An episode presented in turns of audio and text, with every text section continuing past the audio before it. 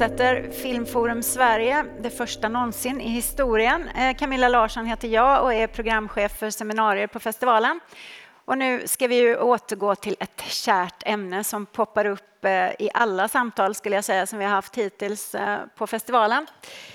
Nämligen produktionsrabatter i en kombination med hållbarhet ska vi prata om det här också. För trots en politisk enighet och enighet i hela branschen om att produktionsrabatter är någonting som vi bör införa i Sverige så är det fortfarande inte infört och fanns inte med i budgeten. Eh, och på plats här idag för att prata om det här så har vi Fredrik Sander, filmkommissionär på Film i Väst, men också medlem i den här eh, stora gruppen av branschaktörer som träffas och har möten och eh, skapar strategier för att lobba för den här frågan. Vi har också Ronny Fritsche som eh, är miljöstrateg på Film i Väst och eh, värnar om hållbarhet och miljöfrågan då inom ramen för hela filmbranschen men också produktionsrabatten. Men eh, Fredrik ska börja lite och prata om strategierna som gruppen har och lite siffror som han har räknat fram. Just Varsågod. Det. Tack. Och som sagt, eh, ni som inte känner mig, eh, så började jag på eh, Filmväst som kommissionär i eh, somras. Eh, i, innan dess så har jag under ja, de senaste 16 åren eh, i min position framförallt på postproduktionssidan producerat eh, ungefär eh, 49 filmer eh, både som samproducent och i vissa fall som eh, producent. Och väldigt många av dem är internationella samproduktioner, vilket har eh, lett till att jag har en eh, god inblick i olika sätt att finansiera och hur de olika eh, systemen fungerar ute i världen. Eh, och nu har vi, eh, de bett mig att titta lite grann på vilka typer av effekter eh, och så man kan se en slags prognos vad som skulle, potentiellt skulle kunna hända i Sverige om de här eh, rabatterna kommer på plats. Så det tänkte jag att vi skulle prata lite grann om i, idag. Ehm. så kort bara om arbetsgruppen. Den, den består ju då alltså av eh, representanter både från produktionsbolagen, filmregionerna och film och tv-producenterna. Eh, och fokus eh, är ju då att tydliggöra vad produktionsrabatterna eh, bidrar med och vad de kommer resultera i. Och sen är det ju då den eh, lobbyverksamheten, det vill säga att få fram den informationen till de personer i riksdagen som då kan hjälpa till och eh, se till att de här till slut kommer på plats.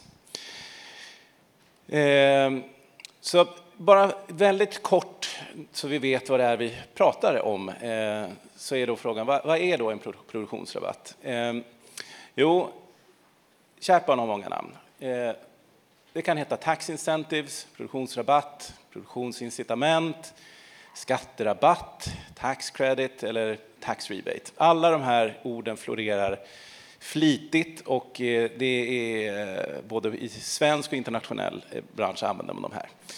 Jag tycker man inte ska använda ordet tax eller skatterabatt när det gäller de svenska rabatterna, för det ger en felaktig bild om vad det är. Eh, det har ingenting att göra med skattesystemet egentligen. Eh, anledningen till att det heter tax incentive i många andra länder är på grund av att det är direkt knutet till just skatter, det vill säga att man kan få en skattereduktion. Det kan vara antingen privata bolag eller andra former som liksom rör sig kring liksom skattesystemet. Men så eh, är det inte tänkt att det funkar i Sverige, utan det handlar då mer om ett riktat icke återbetalningsstöd till film och tv-branschen.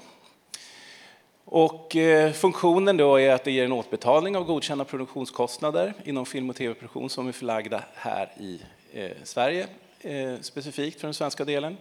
Det förslaget som ligger ute är ju att det ska införas en 25-procentig eh, produktionsrabatt i Sverige. Och skillnaden mot alla de stöd och, eh, som vi har i Sverige nu det är att det här är ett automatiskt stöd. Eh, det man behöver göra är att få en godkänd ansökan och den är mer teknisk, det vill säga att man måste fylla i ett antal eh, eh, man måste kryssa i ett antal saker som produktionen måste ha. Det kan vara produktionsbudgetens nivå, att det faktiskt spenderas i Sverige etc. etc. Men när man väl har fått en godkänd ansökan så är stödet automatiskt. Det är inte selektivt där någon eller några väljer de projekten som man vill ge stöd till. Och stödet kan ges både till svenska och internationella produktioner eh, som lägger sin produktion i Sverige. Eh, och vad vill man då uppnå? Jo, det är egentligen två saker. Eh, sen under de här två sakerna så ryms det ju en mängd andra eh, aspekter som har med kultur eller näring eller vad som helst. Men i, i princip så handlar det om att minska utflödet av svensk produktion som väljer att spela in sina filmer utomlands eller öka inflödet av internationell produktion som väljer att förlägga sina produktioner i Sverige. Och vad kan man då se på de här effekterna som en produktionsrabatt kan ge?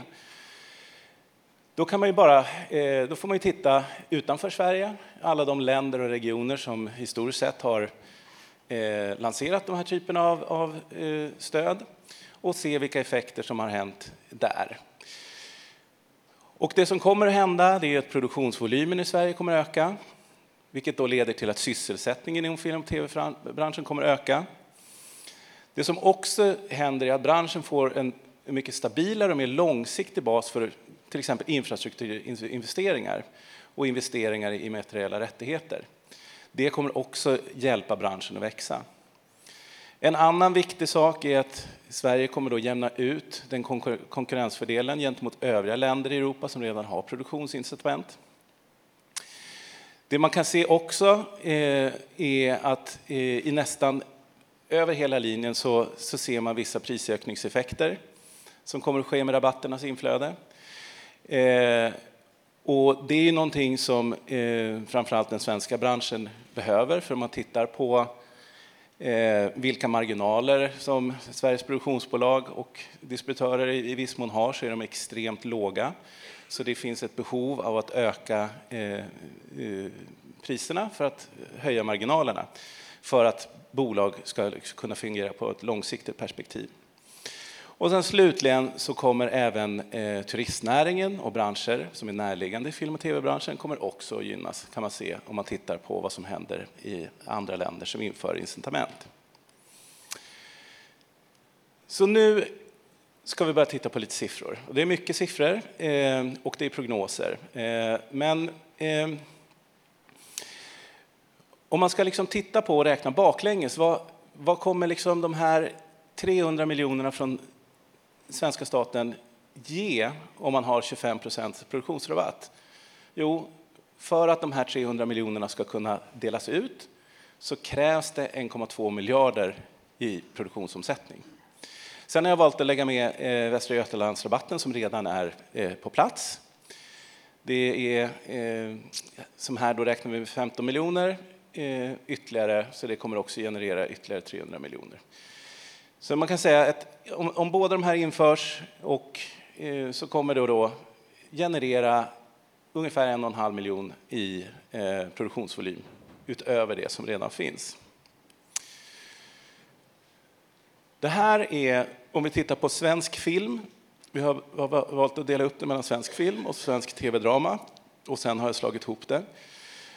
Men här ser man då eh, eh, dels vad som händer om eh, vi inför de här eh, incitamenten och vad som, inte, eh, vad som händer om vi inte gör det. Och det är ju inte så svårt att lista ut då att om vi inför dem så ser vi en, en markant produktionsökning. Det kommer att öka från, i dagsläget, det är ungefär 450 miljoner upp till nästan 900. Eh, och när det gäller då hur stor del av det här förläggs då i Sverige så kan vi se att om inga incentives införts så, så kommer vi behålla ganska exakt samma eh, produktionsvolym i Sverige. Men däremot om vid införandet av produktionsrabatter så ser vi en markant ökning av produktion i Sverige. När det gäller eh, svenska produktioner som, är filma, som filmas utanför eh, Sverige eh, så ser man då att om inga eh, rabatter införs så kommer andelen av svensk produktion som förläggs utomlands att successivt öka på grund av konkurrensnackdelen som det är att filma i Sverige. Däremot, om incentives är infört, så ser man, och det kan man se i, i princip alla andra länder, att man får en dramatisk nedgång av produktioner som då försvinner utanför eh, det landet. När det gäller tv-drama eh, så är eh, volymerna något högre. Eh, idag är det ungefär en miljard. Och där ser vi en ökning, även om inte incentives infört. Och det handlar ju till, till viss del om att eh, de aktörer vi har på svenska marknaden har alla signalerat att de vill gå in med mer pengar, satsa eh, ännu mer. Eh, men däremot om vi inför de här rabatterna så ser vi också en markant ökning. Här ser vi också nästan en fördubbling av omsättningen. Eh, plockar man ihop det här eh, så är det samma siffror, fast det är i, i, ja, det här är eh, svensk produktion markant ökning.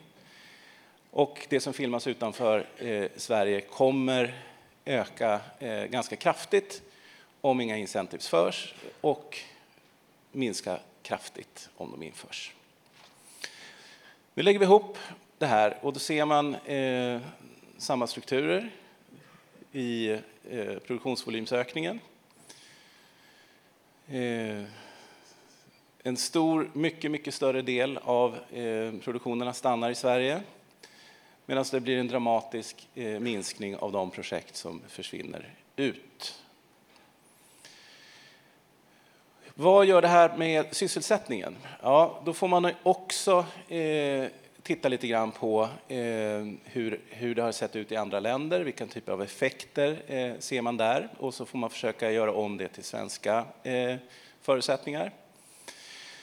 Och eh, i, i en väldigt bred om man säger, anställda inom film och tv, det, det är alltså all, all, alla som är inställda. Det är från de som jobbar på produktionsbolag och inspelning, men det är också distributörer, marknadsförare, stödgivare etc. etc. Så är det ungefär eh, 10 000 eh, anställda eh, nu. Och eh, Potentiellt då så ser vi då en ökning med nästan eh, 6 000 eh, anställda, årsanställda eh, i branschen om man ska kunna klara av att hantera den volymökning som det här kommer generera. Och då måste man ju då nämna eh, kapacitetsproblematiken. Vi har ju hört det tidigare idag, att det är en av de sakerna som eh, framförallt produktionsbolagen kämpar med, att hitta kompetent personal. Och jag förstår den eh, eh, problematiken, men jag tycker ändå att man ska se eh, positivt på, på utmaningen.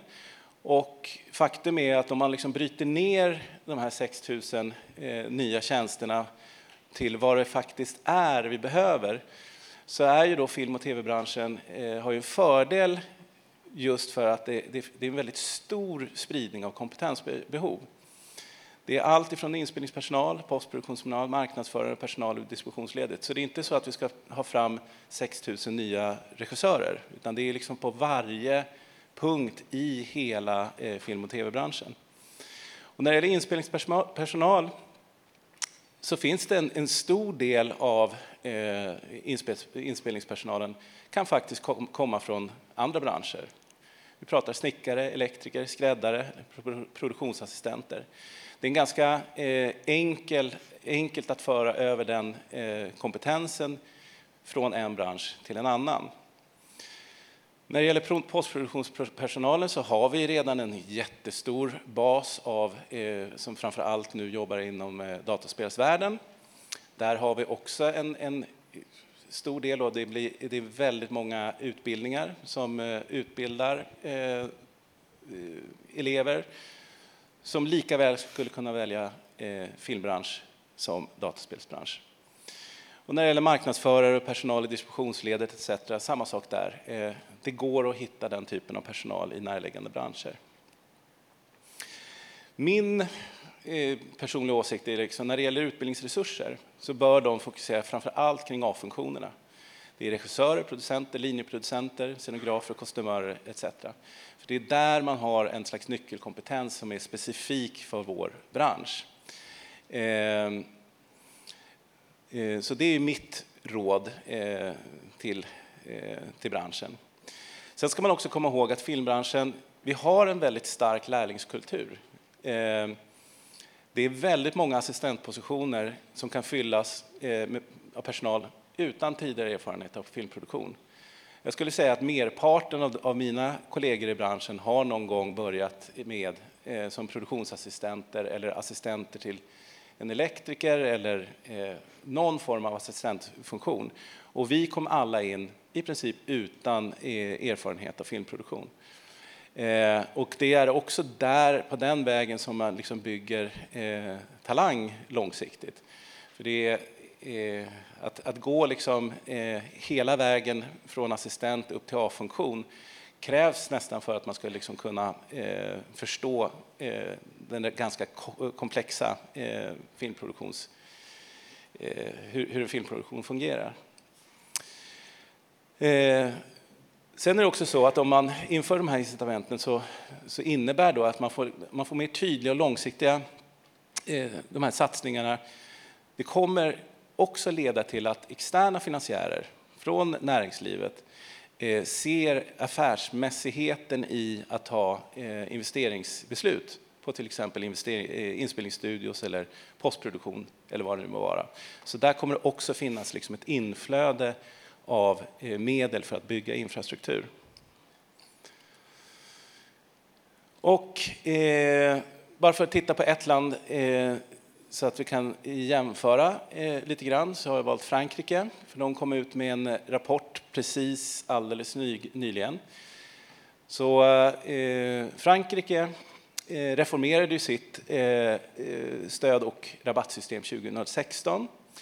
Och precis för någon vecka sedan så lanserade de en första rapport och en analys om vilken effekt den har gett.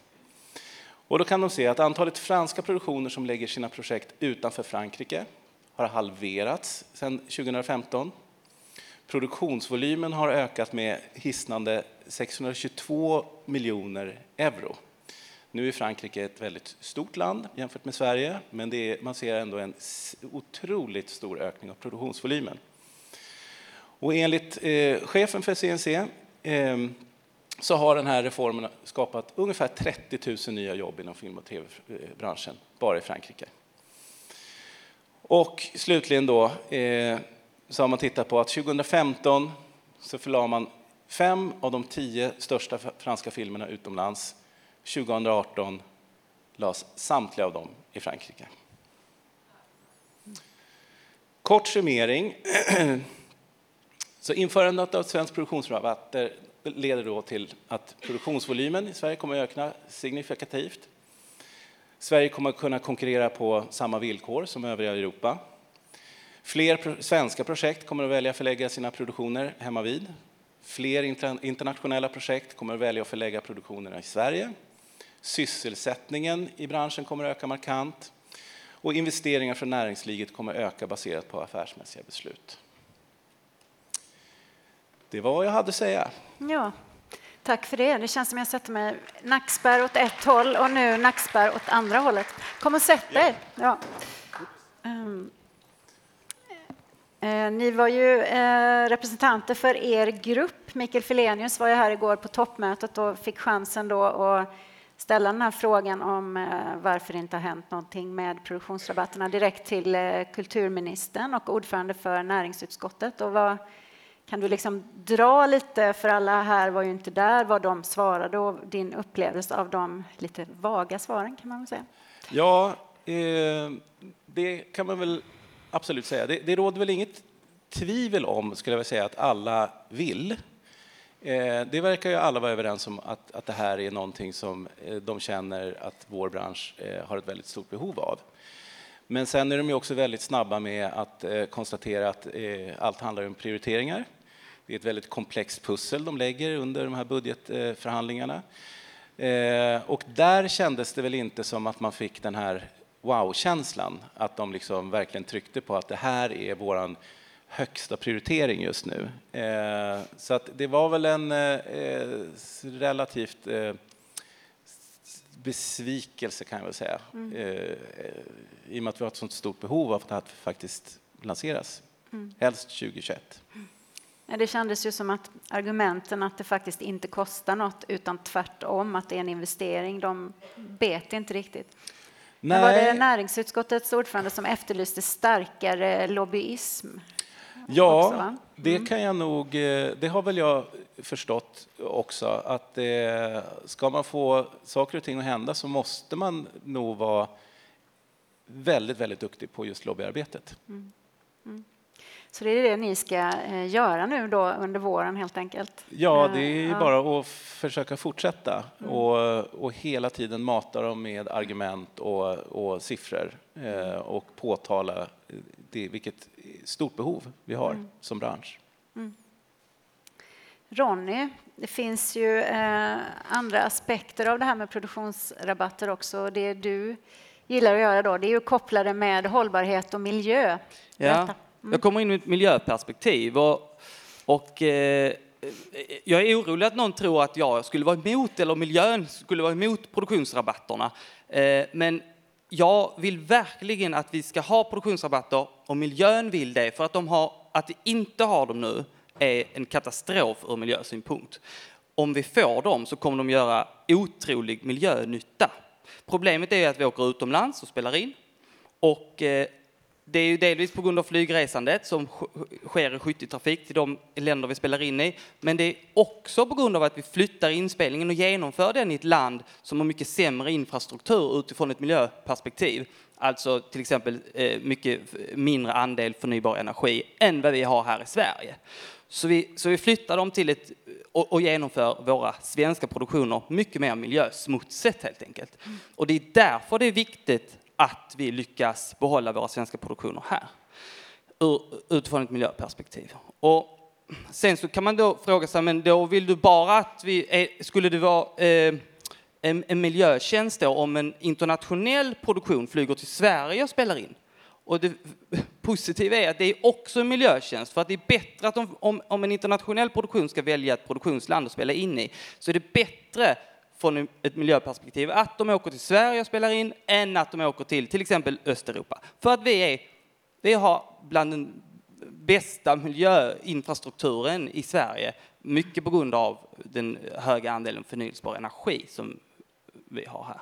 Mm. Så att jag kan också försvara produktionsrabatterna utifrån att locka hit internationella produktioner. Men jag tycker det är viktigt att detta perspektivet finns med i samtalet om produktionsrabatterna när de utformas. Så att vi, så, så att, eh, så att vi helt enkelt i, i min värld både lyckas behålla produktionerna här i Sverige eh, och se det som ett, ett första, en första vinning med produktionsrabatterna. Helt mm. enkelt.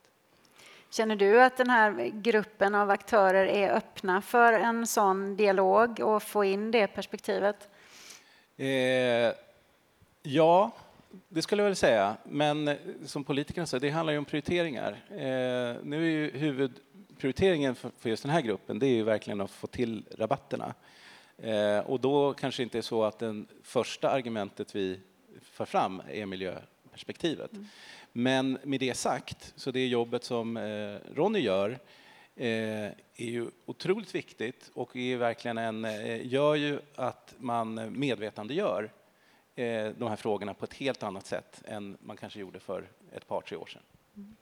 Det, det, det, som jag tänker utan att veta någonting om bakgrunden till varför produktionsrabatterna inte blev av i den budgeten som, senaste budgeten som det var, ja, det var ju annat som uppenbarligen prioriterades istället. Och det som prioriterades var väl viktigare saker då, tänker jag.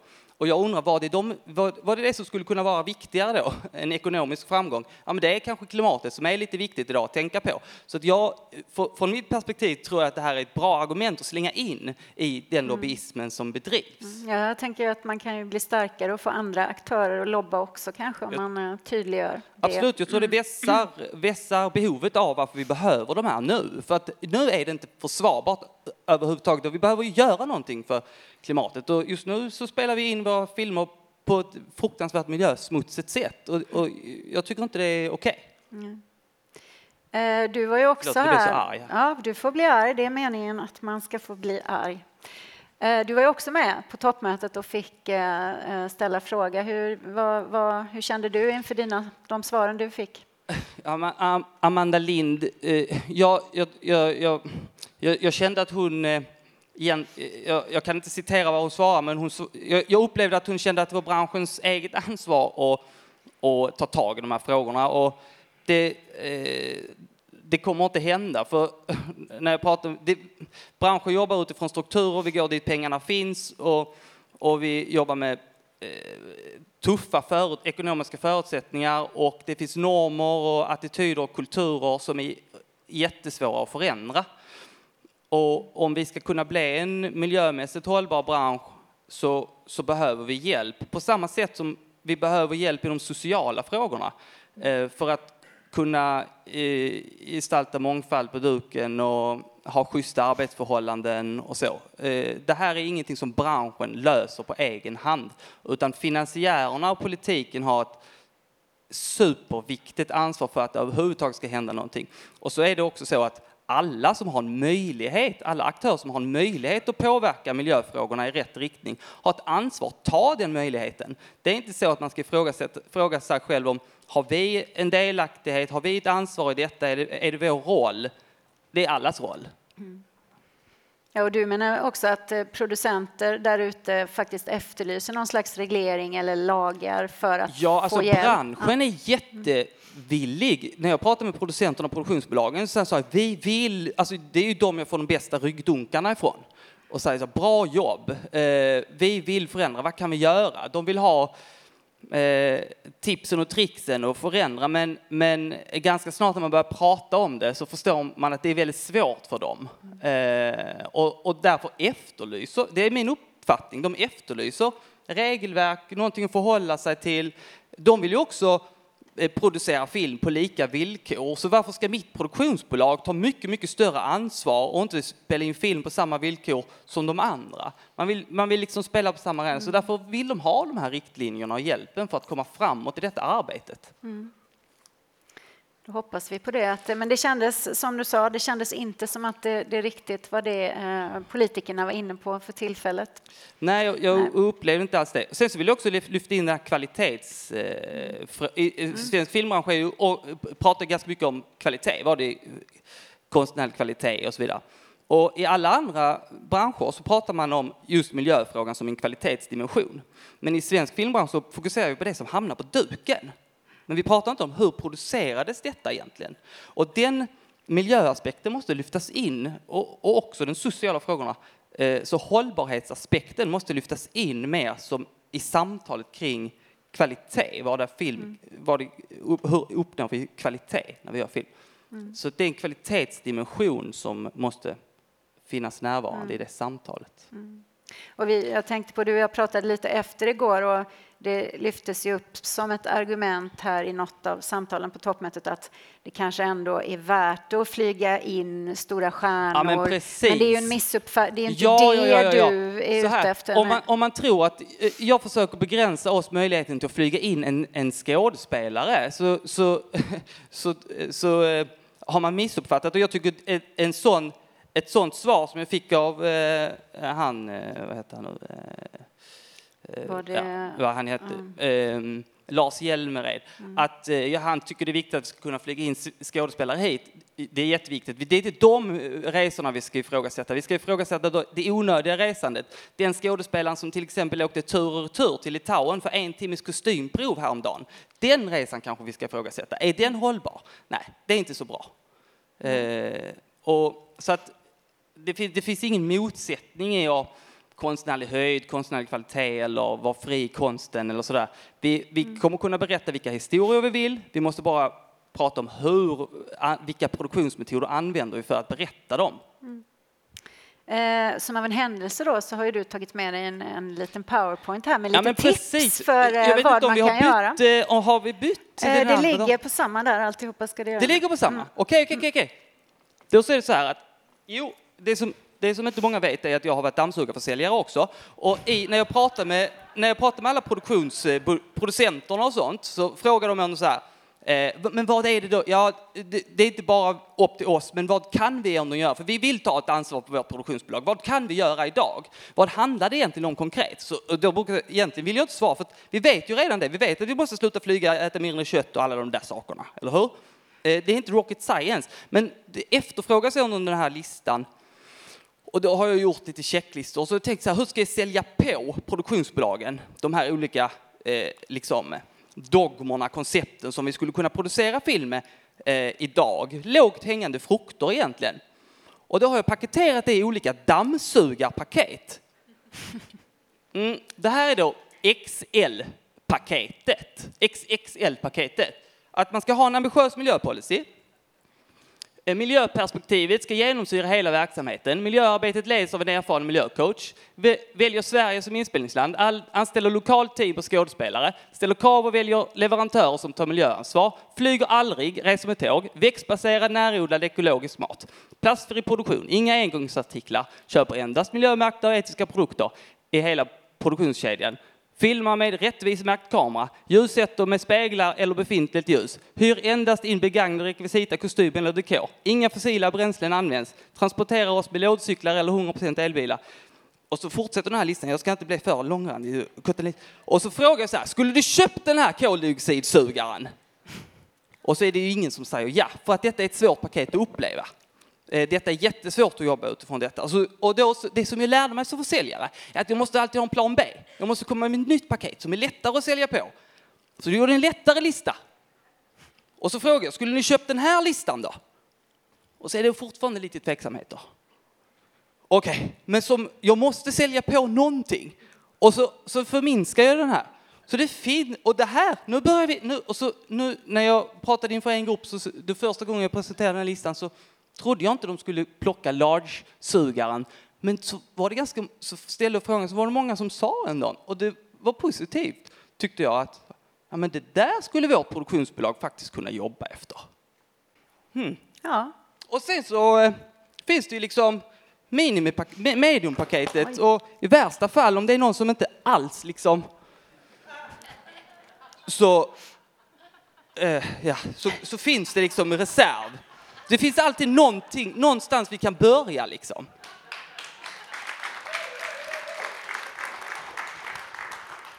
Smart. Och du åker ju runt och föreläser också uh, om det här, eller hur? Ja, men lite. För att alltså det som jag märker är att, eller det vi har märkt är att produktionsbolagen vill verkligen lyssna och, och de vill göra någonting och då, då är det liksom eh, både befriande för dem tror jag att höra att det inte för de känner någon sorts hopplöshet för att de är inne i ett ekorrhjul som är svårt att förändra. Och, och, då tror jag att det är en befrielse för dem att höra att det är faktiskt inte upp till er. Det är orimligt att tro att ni ska förändra detta själv. Men det är också en befrielse för dem att höra så här, vad kan vi göra konkret? Och eh, i samband med, i, tillsammans med film och tv-producenterna så har jag en, en, eh, en tre timmars dragning tillsammans med Beatrice Rindevall som är en av Sveriges coolaste miljöjournalister eh, som eh, riktar sig till film och tv-producenternas medlemmar mm. eh, den 13 februari i Stockholm. Så är det någon som är med där så rekommenderar jag verkligen att komma. Mm. Det är rätt, redan jättemånga anmälda så att eh, ni får akta er så ni inte får plats. Men vi, vi, vi kommer få ha den minst två gånger i mm. början, i, de, i, i början av 2020. Mm.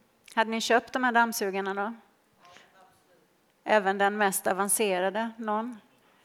Ja, titta, du hör ju. Ja. Frågor i publiken kanske? Här var det någon som viftade. Ska vi se om vi har någon mikro. Här kommer mickar. Här framme har vi... Jag ville bara fråga, hur står sig det här förslaget i förhållande till de eh, system som finns i de andra länderna som redan har incentives? Nej, men det, det är eh, väldigt likartat skulle jag vilja säga i sin konstruktion. Eh, det finns ingenting som jag har läst det när det gäller liksom, eh, Tillväxtverkets rapport som på något sätt säger att vi ska uppfinna hjulet på nytt. Utan det finns, det finns variationer som jag var inne på. En del är då skattefinansierade och andra är mer stödliknande. Och jag tycker den, den formen som, eh, som nu ligger som förslag tycker jag är, är vettig. Ehm, jag tycker det är viktigt att eh, det här rabattsystemet både riktar sig till svensk eh, produktion men även då för inkommande. Ehm, vi har sett ehm, exempel som i Norge till exempel som riktar sig i princip bara till inkommande. där. det tycker jag är en nackdel. Så att jag tycker att det, det förslaget som nu har eh, diskuterats fram är ett vettigt förslag och det ligger väl i linje med eh, andra. Eh, det ligger väl, jag skulle säga i princip, eh, ja de flesta ligger någonstans mellan 25 och 30 procent. Och eh, så där, där, kan man väl säga att man ligger liksom i den lägre eh, skalan.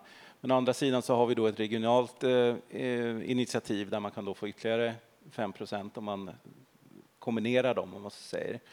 Eh, men sen finns det också andra, alltså jag, jag, som jobbar mycket internationellt så kan man ju då säga att vi, det finns en fördel idag att svenska kronan är så pass svag för där har vi också en slags dold rabatt jämfört med många andra. Eh, men eh, nej, jag, jag skulle säga att det, det, ligger i linje med mycket annat som finns där ute. Mm, Ja, eh, Lars Kilgård heter jag. Jag kommer från Riksföreningen Biograferna. Jag tycker det är alltid roligt med dammsugarförsäljare, vill jag säga först, och mer av det i branschen. Men det var inte därför jag tog mikrofonen. Eh, det är ju så att den här branschen har ju bara en fråga åt gången. För ett antal år sedan var det piracy väldigt mycket diskussioner. För några år sedan, vilket är fortfarande aktuellt att bekämpa. För några år sedan var det momsfrågan, vilket också är fortfarande aktuellt. Och vi drev det här i branschen att vi skulle ha en gemensam samsyn eh, mot momsen på den tiden. Nu fick vi då för två år sedan, vi skulle göra en gemensam artikel där hela branschen, alla branschaktörer skulle skriva under. De som hade fullt upp med en annan fråga då, det var faktiskt eh, eh film och tv-producenterna. Man hade fullt upp med produktionsrabatter och försöka. Man sa bara vänta bara några månader här så kommer det här gå igenom. Det har det fortfarande inte gjort. Men jag tycker den här frågan är så viktig för hela branschen så jag tycker att ni ska ta ett ordentligt initiativ under våren.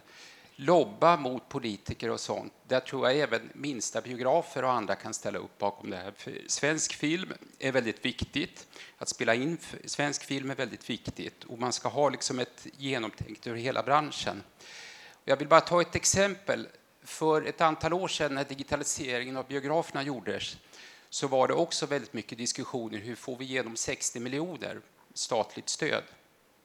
Eh, från början var det 200 miljoner, sen blev det 60 miljoner. Det gick igenom, det gick igenom på grund av... Eh, det var ju en alliansregering då, men det fanns några i tror jag, kulturutskottet eller finansutskottet som jobbade också hade kontakt med Bygdegårdarnas riksförbund som har väldigt små biografer. Men det var på den vägen det kom in. Va? Så att det är väldigt mycket sådana här saker, så att man ska se ett helhetstänk på det här. Och det vill jag säga då som representant för mindre biografer och avtalsbiografer att vi, jag tror vi gärna ställer upp på en, en gemensam sak för det här. Tack. Fler aktivister. Men, eh, ja, och det låter ju fantastiskt. Alltså jag tror också att det finns en styrka och det har också visat sig att det är en styrka att vi har en väldigt bred uppslutning i, i branschen.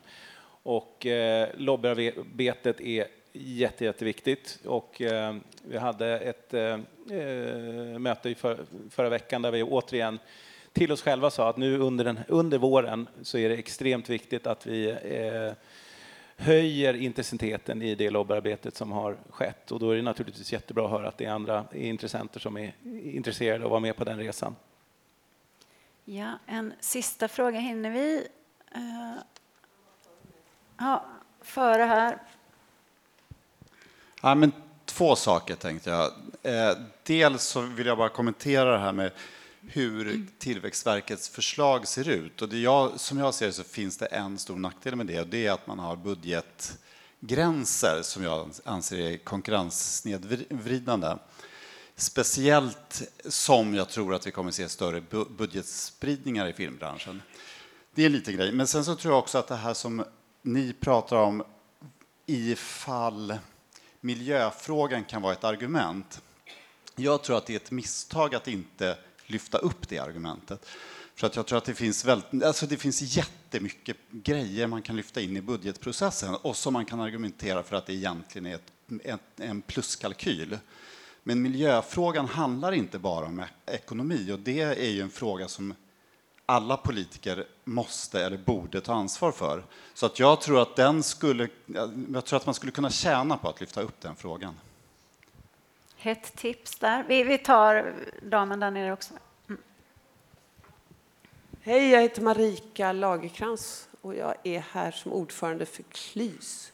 Jag undrar om, alltså de här siffrorna och prognoserna är ju jätteviktiga och att, i det här lobbyarbetet, men borde det inte finnas siffror hur många svenska filmer som produceras utomlands så att man får en mer en, en siffror på vår situation här eftersom Frankrike och alla stora länder är en sån helt annan situation än det här lilla landet. Är inte det en viktig del i lobbyarbetet, tänker jag?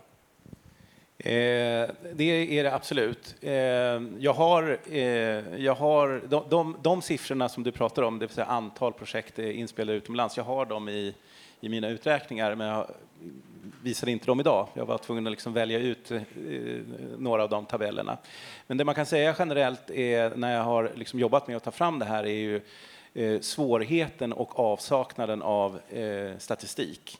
Det har varit otroligt svårt att eh, eh, få en nulägesbeskrivning eh, när det gäller liksom, eh, antal projekt, budgetnivåer, totalvolym etc. Utan där, där har det krävt ett ganska stort researcharbete för att liksom plocka ihop eh, eh information från alla möjliga håll och kanter. Så det, det, är väl, det, det, är väl också någonting som då branschen eh, behöver just för att man ska kunna mäta eh, effekter. Eh, så det är väl någonting som jag tycker borde finnas mer av. Och jag kan bara säga att jag saknar också massa statistik där. Jag skulle lägga, vilja lägga CO2-utsläpp på det antalet eh, filminspelningar som åker utomlands så vi också ser det och kan mäta de negativa effekterna på ett bättre sätt. Det finns inga sådana dokumentationer som görs i Sverige idag på svensk film. Och det hade jag önskat för då hade jag kunnat presentera lite mer hård fakta. Ja, då får vi eh, sluta där. Mer jobb till dig nu då, trycka på för de här siffrorna och du har fått lite tips och eh, lite fler potentiella medverkande i gruppen.